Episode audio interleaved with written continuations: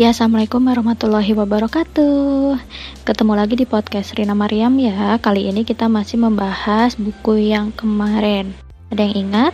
Ya, betul sekali judulnya adalah Anak Anda bertanya tentang seks Jadi di sini kita masuk ke langkah keempat ya yang judulnya adalah Tanamkan Sikap dan Nilai Positif Tentang Seks. Setiap orang tua mungkin punya standar sikap dan nilai-nilai yang detail gitu ya yang akan mereka ajarkan kepada keluarganya. Dalam hal ini juga salah satunya adalah pendidikan seksual. Mungkin Anda ingin anak Anda terbuka untuk membicarakan keingintahuan mereka tentang seks pada orang tuanya atau enggak Anda ingin Eh, anak-anak Anda mampu gitu ya menjaga tata kerama dan sikap mereka dalam pergaulan. Jadi di sini juga ada tahapannya yaitu coba tulislah sikap dan nilai yang ingin ditanamkan dalam diri anak sesuai tujuan dari pendidikan seksual. Boleh ya ditulis poin-poinnya apa saja. Terus, nah dari poin-poin yang sudah ditulis ini akan menjadi dasar bagi pendidikan seks yang diberi pada anak-anak. Jadi nggak perlu khawatir gitu ya tentang kemampuan Anda untuk menyampaikan informasi tentang seks dengan sempurna. Berbicara tentang seks dengan anak hanya salah satu dari mungkin dari banyak pertanyaan-pertanyaan atau dalam rangka pengasuhan anak yang dalam hal ini bisa menjadi mungkin menjadi tantangan gitu ya. Yang harus dilakukan pertama kali adalah membangun hubungan yang erat antara anggota keluarga dan memberi cinta tanpa syarat bagi anak-anak Anda. Lalu apa sih yang dimaksud dengan sikap yang sehat terhadap seks ini?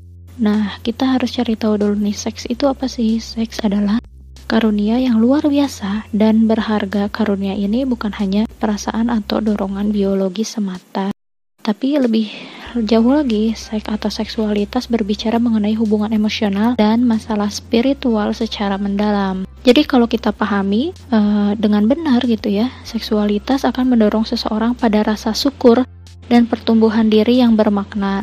Seksualitas yang sehat akan membuatnya menjadi pribadi yang utuh dan merasakan kebahagiaan dari memberi dan menerima rasa cinta yang dilandasi oleh komitmen yang permanen yaitu sebuah pernikahan.